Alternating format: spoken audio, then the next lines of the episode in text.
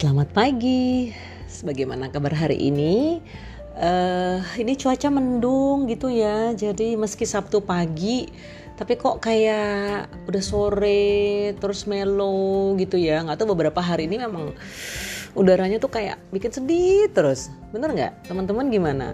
Memang sih, memang bener-bener deh. Uh, sebulan belakangan tuh berita yang ada di semua kayaknya media sosial ya tuh sedih banget. Aku bener-bener loh turut berduka ya untuk sahabat-sahabat yang saudaranya keluarganya ya teman-temannya sedang sakit atau bahkan ada yang berpulang. Aduh aku ber, berduka betul-betul berduka gitu. Kebetulan adikku satu keluarga juga kemarin 14 hari isoman. Jadi ah bisa merasakan betapa apa ya nggak enaknya badan betapa was-was juga gitu kan nggak bisa keluar terus mau keluar juga takut nanti kenain orang lain gitu ya. Aduh ini benar-benar deh ya memang uh, keadaan seperti ini kita nggak kepingin gitu ya. Tapi gimana dong kalau memang kita harus hadapi apalagi dari tanggal 25 Juli itu sampai tanggal 6 Juli kemarin aku di rumah sakit kan karena ibu lagi sakit gitu. Jadi di rumah sakit tuh bener-bener yang setiap hari gitu kan lihat orang berbondong-bondong masuk UGD kebayang nggak? Aduh pada pakai uh, apa tuh oksigen ada yang sudah pakai ventilator itu pemandangan yang bener-bener kayaknya kayak kayak di film-film gitu yang chaos gitu ya. Tapi rata tuh nyata.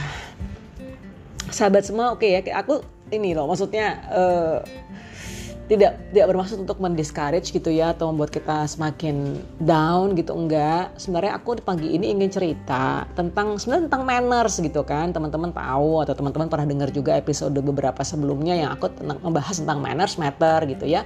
Bahwa uh, seberapapun kamu keren gitu kan seberapapun pandai seberapapun kaya atau ganteng atau hebatnya gitu kalau mannersnya nggak oke okay, gitu ya nggak punya good manners itu rasanya nggak ada artinya gitu. Dan memang good manners itu diwujudkan dalam banyak hal.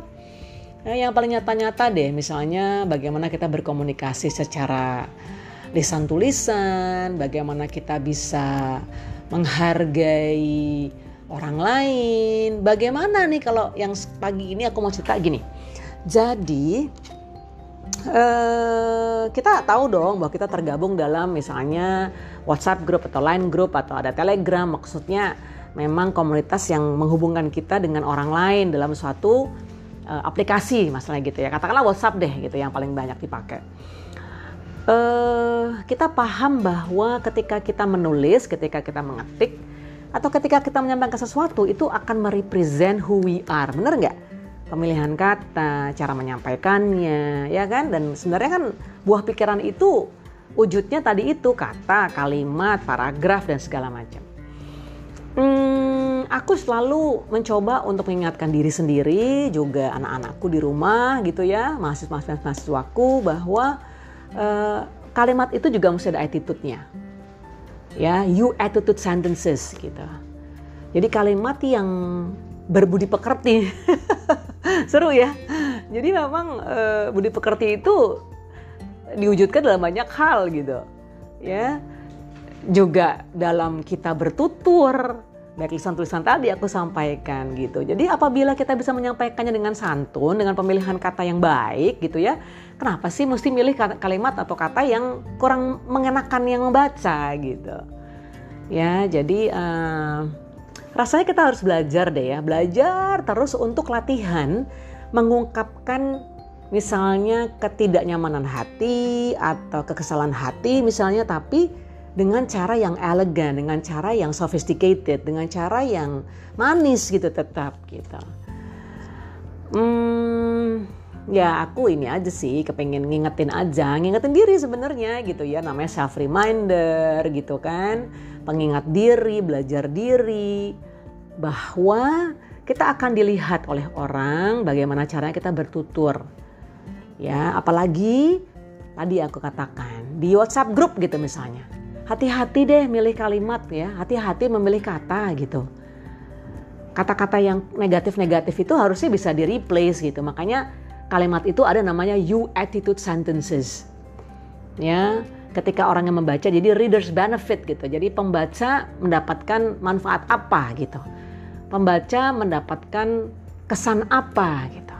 Apabila kita ingin mengungkapkan sesuatu, sampaikanlah dengan tadi elegan. Pemilihan katanya juga yang bukan menyakitkan gitu. Seperti ya pemilihan kata misalnya kurang ajar gitu. Itu udah keras banget loh. Nggak boleh tuh ya apalagi di dalam forum yang umum yang dibaca puluhan orang. Kalau one on one gitu kan, ya udahlah kan kita cuma beritahu sama satu orang gitu atau misalnya sekelompok dua tiga orang sahabat gitu kan. Tapi kalau itu sudah ditulis dan itu disebar ya dibaca oleh orang banyak gitu ya rasanya kurang bijaksana gitu nggak oke okay banget gitu ya Apalagi misalnya yang nulis itu orang tua. Senior katalah gitu ya. Waduh, gimana kita yang katakanlah misalnya muda-muda ingin belajar. Ingat loh, ya, role model itu penting. Panutan siapa? Anak melihat panutannya orang tua, ya kan? Murid melihat panutannya guru. Misalnya jadi organisasi panutannya siapa? Senior misalnya gitu kan. Nah, ini ngeri sih ya. Maksudnya ngeri dalam arti Eh, kita harus mawas diri ya sebagai bangsa, sebagai negara yang besar, sebagai uh, bangsa Indonesia yang menjunjung tinggi gitu tata krama, budi pekerti, manners tadi harus tetap terus ter, tetap terus diingatkan. Manners matter no matter what. Ya, jadi you attitude sentences. Jadi membuat kalimat yang punya attitude gitu loh. Siapa saja ya, dari eh, anak-anak, uh, Eh, remaja, dewasa muda, dewasa, bahkan orang tua. Jadi memang belajar itu penting ya, belajar terus menerus. So have a good Saturday, even though even though this is a, such a gloomy morning gitu ya, ya yang melo gitu ya, tetap semangat, ya tetap menjaga kesehatan jiwa raga itu penting. Ya, selamat pagi, bye bye.